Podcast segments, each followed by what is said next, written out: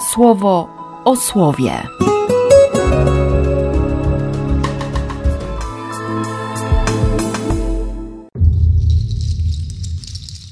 12 marca, piątek. Z księgi Ozeasza. Wróć, Izraelu, do Pana, swojego Boga, bo słaby się stałeś z powodu swoich nieprawości. Zabierzcie ze sobą słowa i zwróćcie się do Pana, swojego Boga.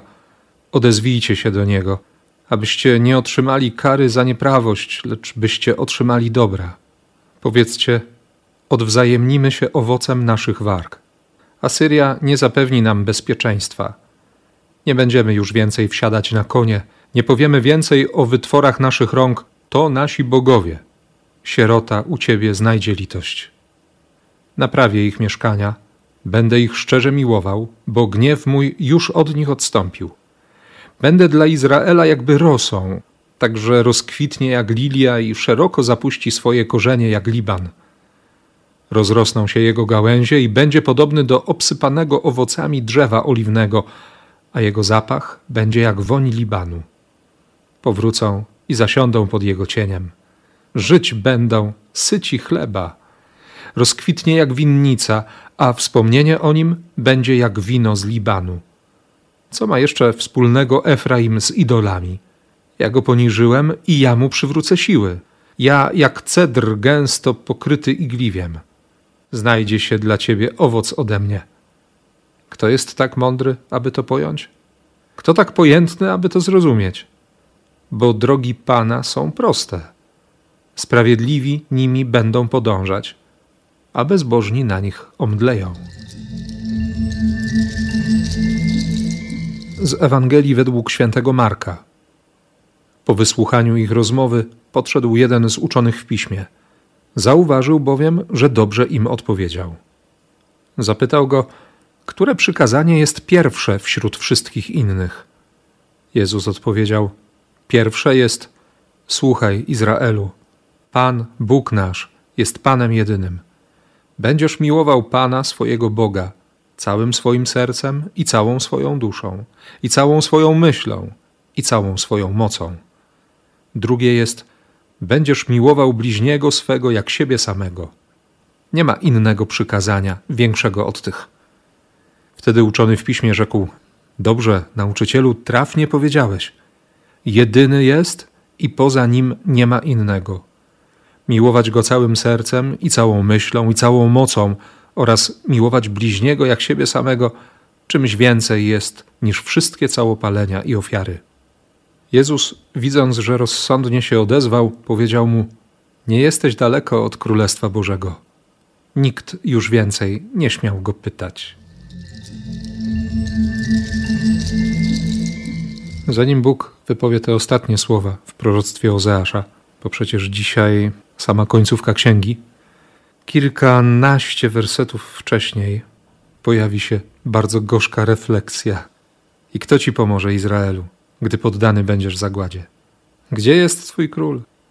Niech pójdzie ci z odsietrzą do wszystkich miast Twoich. Niech będzie ci sędzią ten, którego się domagałeś, mówiąc: Daj mi króla i wodza. I dałem ci króla mimo swego gniewu. Zniosłem, choć byłem oburzony, to skupisko nieprawości. Wyzwolę ich z mocy Szeolu, wykupię ich spod władzy śmierci. Gdzie jest to śmierci Twój wyrok? Gdzie Twoje żądło Szeolu? I chwilę później ta zachęta, by wrócić, bo grzech osłabił, bo trzeba na nowo wziąć ze sobą słowa. Ile razy ten tekst dociera do moich uszu? Mam przed oczami ludzi, którzy zbierają słowa z ziemi, bo pozwolili im upaść. Znaczy, tak naprawdę to jest obraz mojego serca, być może Twojego też, od czasu do czasu. Słowo Boga, które upadło gdzieś obok nas.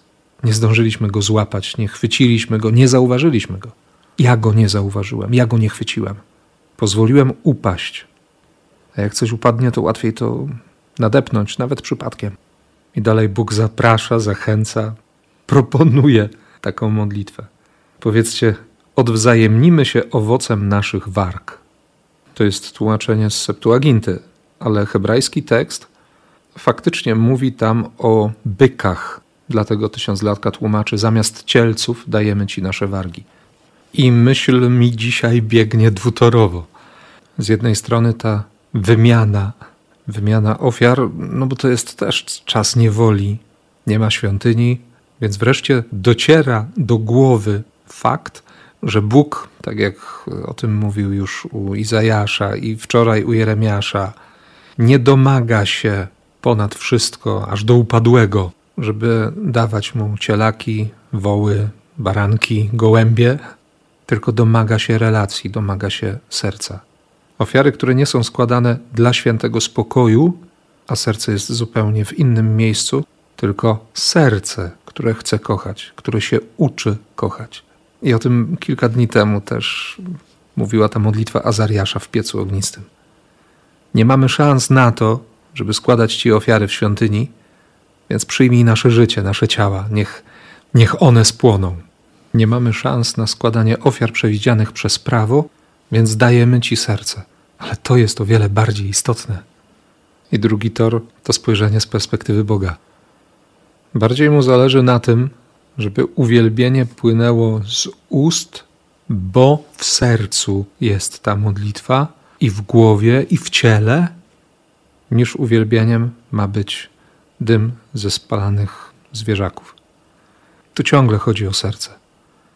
Bóg jest tak cierpliwy, że On ciągle mówi, ciągle przypomina, ciągle prowokuje, ciągle namawia, żeby nie być obłudnikiem. Ofiary? Dobrze, ale z serca, prawdziwe, szczere. I tę szczerość dzisiaj Jezus wydobywa z tego uczonego w prawie. On jest wcześniej świadkiem rozmowy z saduceuszami. Temat zmartwychwstania tej kobiety, która była zamężna z siedmioma braćmi po kolei. Umierają wszyscy bezdzietnie, no i, i co dalej? Jezus spokojnie tłumaczy. Odpowiada właśnie w ten sposób. Nie jest Bogiem umarłych, lecz żyjących. Więc podchodzi jeden z uczonych i, i zadaje to pytanie, być może po to, żeby, żeby sprawdzić, żeby się upewnić, kim jest Jezus. Pyta o oczywistość. A z drugiej strony, no, czasami naprawdę trzeba wrócić do początków. Trzeba zapytać siebie samego o rzeczy oczywiste. Bo pewnie tobie też, mnie na pewno, oczywiste oczywistości umykają niekiedy z perspektywy. Wrócić do pierwotnej miłości. Pierwsze jest: słuchaj, będziesz kochał.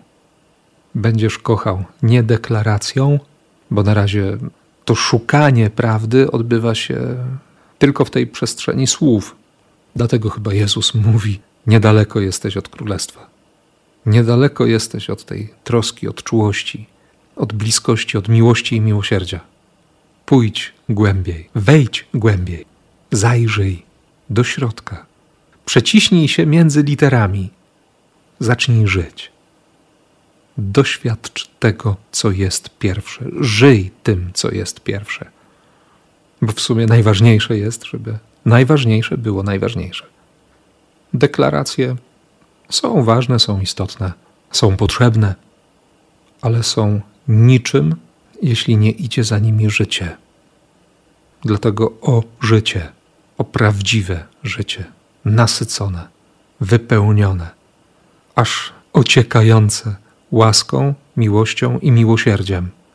Modlę się dzisiaj dla nas, dla Ciebie i dla mnie i Twoje życie, aby było wypełnione po brzegi, nie tylko słowem, ale miłością i miłosierdziem. Błogosławię w imię Ojca i Syna i Ducha Świętego. Amen.